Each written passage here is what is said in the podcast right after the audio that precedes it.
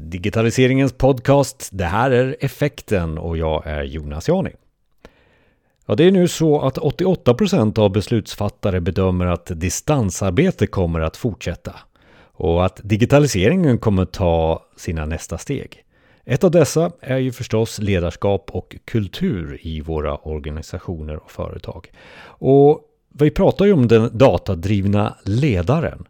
Och hur kan man bli då mer datadriven och ta klokare beslut? Eller hur kan man använda data för att bli en bättre ledare? Vi får besök av Tom Hammar från Jumento i effekten.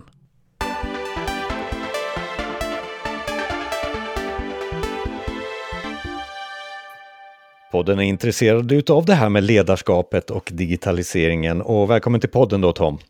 Tack så mycket. Tack. Det här med att använda data för att bli en bättre ledare. Det är ju liksom ett inspirerande eh, rubrik på, på ett avsnitt sådär. Så vi är då nyfikna lite, vad, vad, vad anser du då? Alltså ledaren, ska den verkligen behöva ha data? Hur, hur, hur, hur, hjälp oss lite här, data och ledare, hur kan det höra ihop? Ja, jag, jag tycker ju det hör väldigt väl tillsammans eh, när det kommer till mig som ledare. Jag tror att eh, vad är det för något som styr mig och de valen jag gör i varje tillfälle eller eh, situation? Och där tror jag att eh, många av oss blir styrda av eh, kanske erfarenheter eller ehm, eh, kunskap eller vad det kan vara. Men jag tror att data handlar ju om just att bli datadriven som ledare handlar ju om att vad är den relevanta datan som jag behöver för att eh, kanske utvecklas som ledare och ta aktiva beslut i vilka typer av beteenden jag behöver kliva in i oftare framöver eller fortsättningsvis. Så, att, eh, så vad blir relevant data då? Det handlar ju från mitt perspektiv som, som eh, ledarskapsutvecklare är ju att eh, få relevant data från de som, som upplever mitt ledarskap. Alltså mina medarbetare och kanske mina kollegor. Så hur får jag relevant data kring mitt nuvarande och önskade framtida ledarskap? Det här låter ju lite som, vi har ju haft flera avsnitt om hur man blir mer datadriven, men då har det varit ofta så här produkter eller försäljning eller maskiner. Här menar du på att som ledare kan jag också få flera datapunkter att samla in. Eh, för vi har ju mina medarbetare som kan vara den datan jag behöver. Är det, för, för, är det så jag uppfattar det lite kort så? Absolut, och, och då måste den här datan vara eh, rätt positionerad, tänker jag. Och, och där tänker jag att man måste göra det i rätt tidsperspektiv. Många gånger när vi tänker kanske ledaren som en maskin som du, som du introducerar och föreslår nu, Jonas, så väldigt intressant också, tycker jag. För att många gånger när man tänker på mig som ledare, och vi kanske alla har varit med om det här att vi gjort en eh, ledarskapsskattning, en ledarskaps 360, den tenderar att titta bakåt Eh, där hur upplever jag dig som ledare? Hur duktig är du på att ge feedback från 1 till 6? Det är en utvärdering som är tillbakablickande. Eh, och att skifta det och säga låt oss blicka framåt. Och säga så här, vad är det för ledarskap, ledarskapsbeteenden som jag som, som medarbetare skulle vilja se dig göra oftare? Det blir beteendedrivet och det blir en datapunkt som jag som ledare kan agera på.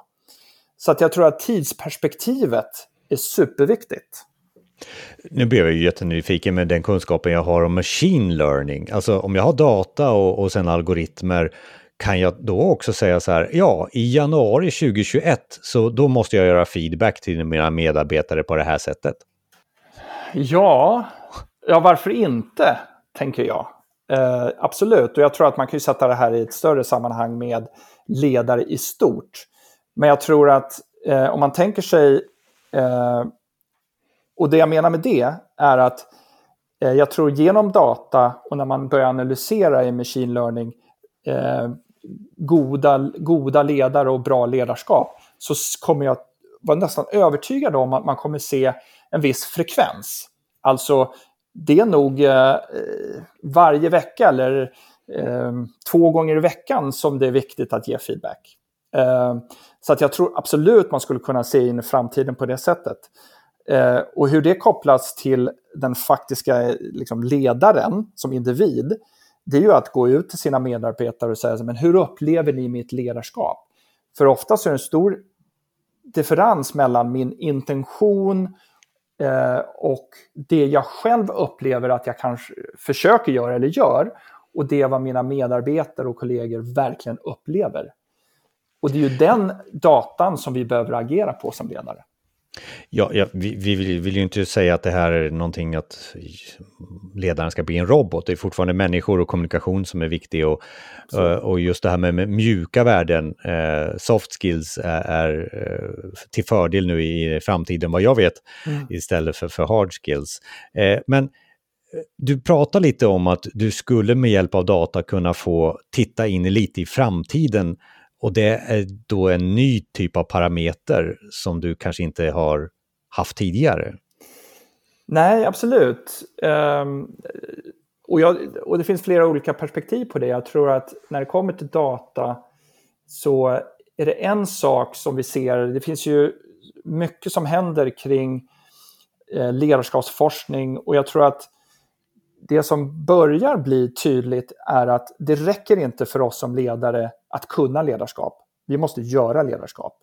För ett gott ledarskap är ett frekvent ledarskap. Alltså jag kliver in i ledarskapsbeteenden ofta.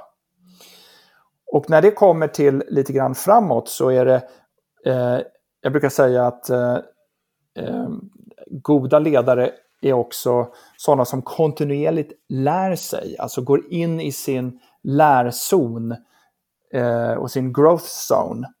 Så att när det kommer till att se just den här progressen som mig som ledare så tror jag att det finns beteenden som jag gör som ledare som, kom, som påvisar huruvida jag kommer växa och utvecklas som ledare kontinuerligt framöver. Så, så där, där absolut kan vi, kan vi se, både på en aggregerad nivå men också förstå för jag som ledare, vad är det för beteenden jag behöver göra och kliva in i för att kontinuerligt växa och utvecklas som ledare. Realtiden är viktig eh, i det här. Absolut, för, för jag tänker att har man den här eh, möjligheten att få den här datainputen eh, till mig som ledare i realtid så kan jag också agera på det. Och det ser vi ju och det vet jag att du pratade om tidigare, att den här, liksom, för att som ledare kunna driva den där digitala transformationen så behöver jag också lära mig mycket, mycket snabbare. Eh, och då behöver jag real data, inte data som, som handlar om vad som hände för ett halvår sedan. Har, har, du några exempel här på, på kunder eller uppdrag där du känner att ja, titta där händer det, så, så blev det där, eller den här ledaren höjde eller sänkte det här. Eh, goda exempel helt enkelt. Mm.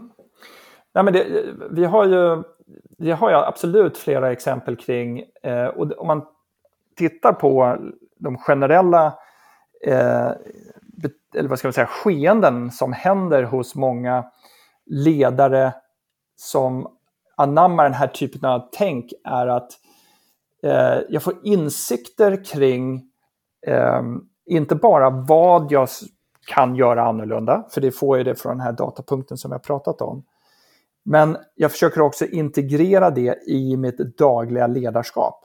Eh, så att det händer där det behövs.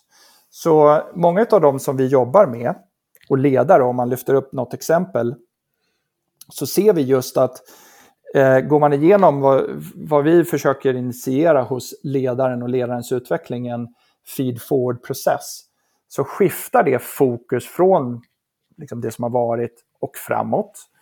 Eh, och det många av de här ledarna nämner är att eh, jag, tyck, jag tror att jag har gjort och agerat eh, som en bra ledare och gjort vissa beteenden.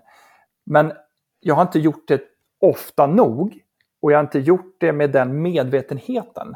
Så helt plötsligt så, så blir jag medveten om eh, de här tillfällena när ledarskapet händer.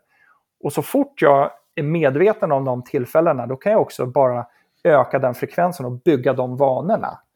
Eh, som gör att jag egentligen ökar min frekvens av de här goda, kraftfulla ledarskapsbeteendena.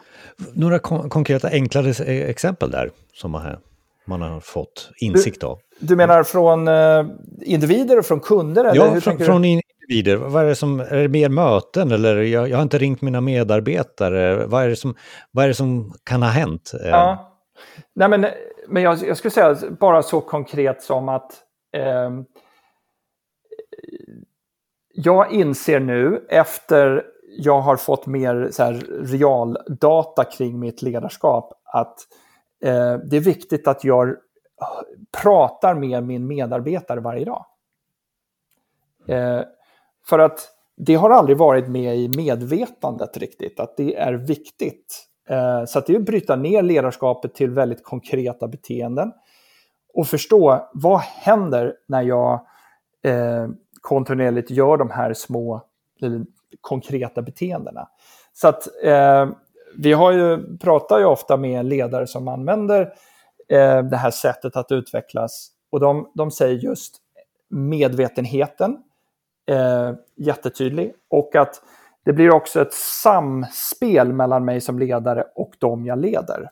Eh, så att eh, det kan vara jättemycket olika typer av beteenden som eh, att jag ger feedback mer frekvent, eh, att jag eh, eh, strukturerar mina möten annorlunda. Eh, och det som många faktiskt säger är att konsekvensen av det är att mina medarbetare har roligare och de har roligare att komma till jobbet och de eh, har roligare att vara med mig. Eh, så att, eh, och det, det är beundransvärt, tänker jag. Men är det, det, det, som jag undrar över också, de här datapunkterna, hur får man dem till sig? Det är väldigt mycket frågor till medarbetarna hela tiden. Det är så här formulär ser jag framför mig, men det är kanske inte är det du är ute efter här, eller? Nej, nej exakt. Jag menar, om man tittar på hur vi tänker, eller hur, hur vi har strukturerat det förfarandet, så den här feed-forward-processen handlar om att eh, i och med att vi har brutit ner ledarskapet till ett antal superkonkreta beteenden. Alltså, och det kan jag också säga att beteenden som är ju faktiskt saker som man kan fånga på film. Och det är ju det som är eh, lite av det viktiga här, att det är inte eh, liksom, diffusa saker utan väldigt konkreta saker. Eh, och vi har valt ut 60 väldigt kraftfulla, viktiga beteenden. Och när jag som led, eller medarbetare tar ställning till de här beteendena, då kan jag väldigt enkelt bara säga så här, men det här gör min ledare ofta och det här beteendet vill jag att min ledare ska göra eh, ännu oftare och mer frekvent. Den processen tar ungefär fyra minuter för, för medarbetarna att göra det här digitalt och ger jättemycket insikter kring vad jag kan göra imorgon, nästa vecka och, och framöver som ledare. Det, det, det, finns ju flera sådana här verktyg eh, eh som, som jobbar med det här feedback eh, hela tiden och analysera. Men eh, det som eh, är intressant är att se, kan man hitta datapunkter från något annat än att fråga eh, medarbetarna? Eller någon sån där undersökningar, eh, suga data ifrån da IT-systemen som man har, hur frekvent de används och sånt där. Har ni, har ni några sådana eh, datakällor också in i det här? Eller bara medarbetarfeedback? Så? Nej, det är ju absolut eh, hur de tar sig an sin egen eh, aktivering av ledarskap. Så att vi har ju både den här eh, datapunkten som kommer från medarbetarna som du nämnde. Det andra är hur tar jag mig an min aktivering av ledarskapsbeteenden. Vi kallar de här för egentligen ledarskapsträningsaktiviteter eh, eller sessioner. Och eh, så där blir det ju jättemycket data kring eh, hur tar jag mig an min utveckling som ledare. Eh, och där försöker vi ju möjliggöra att ledaren skapar en bra lärmiljö. Till exempel att det, det är superviktigt att reflektera det räcker inte att jag bara har erfarenheter, utan lärandet sker när jag reflekterar över erfarenheter och situationer som har hänt. Och väljer att agera annorlunda baserat på det. Ehm, så, att, så att där blir det också att stödja ledaren och förstå hur ofta kliver jag in i kanske situationer som gör att jag växer som ledare, går utanför min comfort zone. Kan man koppla det här till ett speciellt ämne också? Jag tänker på att vi är i en förändrig, förändrad värld och vi vill ju också eh, digitalisera mer eller skapa en förändring. En förändringsledning pratar man ju oftast om eh, mm. och, och, det har ju olika ämnen. Kan man eh, är det datan som kan driva fram en förändring eller måste du ha ämnet förändring med dig in och, och, titta på data och sen göra dina värderingar? Eller kan du stoppa in parametrar till medarbetarna så att de blir mer förändrade eh, utifrån en förändringsledningsprocess? Nej, men det tror jag. Jag tror att man kan eh, liksom, i själva ledarskapsutvecklingssituationen eh, eller ambitionen eh, sätta förutsättningarna för att jag leder på ett annorlunda sätt. Och det, det ser vi mycket hos våra kunder. Eh, till exempel en, en förändring som vi ser våra kunder vill driva utifrån ett ledarskapsperspektiv är ju innovation och takten av innovation. Så då blir det ju att bryta ner det till att säga, men vad är det för ledarskapsbeteenden som, som möjliggör innovation? Samma sak händer också när det kommer till eh, ja, förändring. Så vad är det för ledarskapsbeteenden som jag som ledare behöver kliva in i för att skapa en snabbare förändringstakt? Eh, så att, så att det, det strålkastarljuset kan man absolut sätta på olika ledarskapsbeteenden. För jag antar att de här datapunkterna, dels utifrån att man blir bättre ledare, men de, måste ju kopplas till ett, ett varför också, eh, kan jag tänka mig, eller strålkastare som du sa, mm. eh, eh, och, och, och ett, ett, syfte. Och då kanske det också blir mer motiverat som ledare att kunna styra sig själv lite på data. Absolut. Mm. Jag menar, det, 100 procent, och det, det, har vi sett hos, hos de vi samarbetar med och kunder, att finns det, och ledaren och ledarens förmåga att verkligen eh, utvecklas åt det hållet. Om det inte finns ett varför, varför ska jag göra det här, varför är det här viktigt, så blir det svårt att driva mot det. Så att eh, det, det är en jätteviktig parameter för att det ska fungera. Så är det så här, men varför är innovation viktigt för oss som organisation? Alltså att sätta det i det strategiska kontextet. Det här är viktigt för oss för att vi ska eh, kunna eh, utvecklas innovera snabbare än våra, våra eh, konkurrenter eller vad det nu kan vara. Vi var inne på det och vi tar det här nu på slutet igen då. För att du är inne på att ett, ett varför kan ju vara den första delen av ett recept på hur man ska lyckas och bli mera eh, datadriven och kanske bättre ledare med, med datadrivet. Eh, så har du någon sån där Eh, jag brukar alltid säga att eh, listan 1, 2, 3, hur ska jag börja och hur ska jag sluta och tänka runt omkring det här ämnet, använda data för att bli bättre ledare. Mm. Nej, men, eh, och vi har varit inne på det lite grann, men om man skulle göra lite recept så, så skulle jag faktiskt säga att eh, det första delen av receptet det är att verkligen bryta ner ledarskapet till beteenden.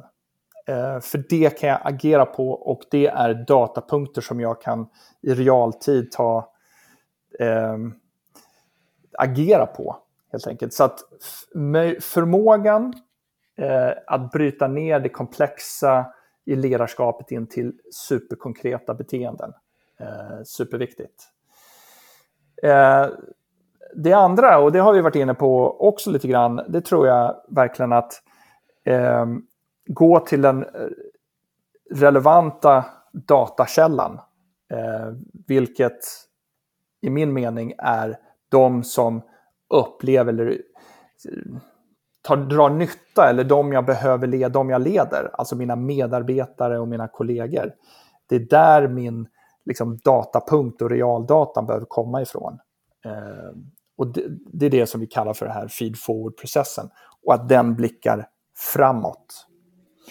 Ehm, så det var nummer två. Nummer tre skulle jag säga eh, faktiskt att lyfta upp när det kommer till liksom, ett större perspektiv som handlar om att eh, skapa en kultur.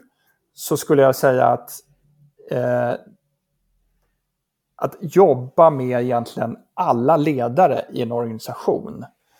Eh, för det gör att vi också möjliggör transformation, beteendetransformation, möjliggör det vi vill åstadkomma som organisation. För då får vi med oss hela eh, förflyttningen beteendemässigt hos ledaren och ledarna.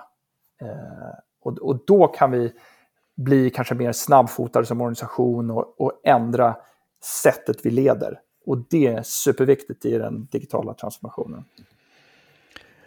Data är inte bara för maskiner och produkter, det kan vara någonting som vi använder också som ledare för att bli bättre, ta bättre beslut och just digitaliseringen kräver ju många beslut, det går snabbt och då bör man ha data i realtid. Så att det här är ju en, ett recept eh, för att leda bättre i en förändlig värld. Eh, Tom, vad, vad, tar vi med oss från avsnittet som, som, eh, som en sista del här? Ja, men jag, jag, tycker sättet du formulerar ledaren har jag faktiskt aldrig tänkt på. Att, eh, skulle vi kunna se ledaren nästan som en maskin som behöver eh, på något sätt omvandla data till någon typ av utförande? För det, och jag håller med det du säger att eh, eh de mjuka värdena är viktiga, men det är ju det som händer. Det är det som utfallet av det här. Det blir det mänskliga mötet. Hur agerar jag? Hur beter jag mig? Hur, an, hur möter jag mina medarbetare och min omgivning på ett bra och relevant sätt? Men då kan jag använda digitaliseringen och det positiva där att få realdata för att kunna vara den här eh, underbara ledaren som jag kan bli och kan vara. Tack så mycket för pratstunden Tom. Tack så mycket. Tack.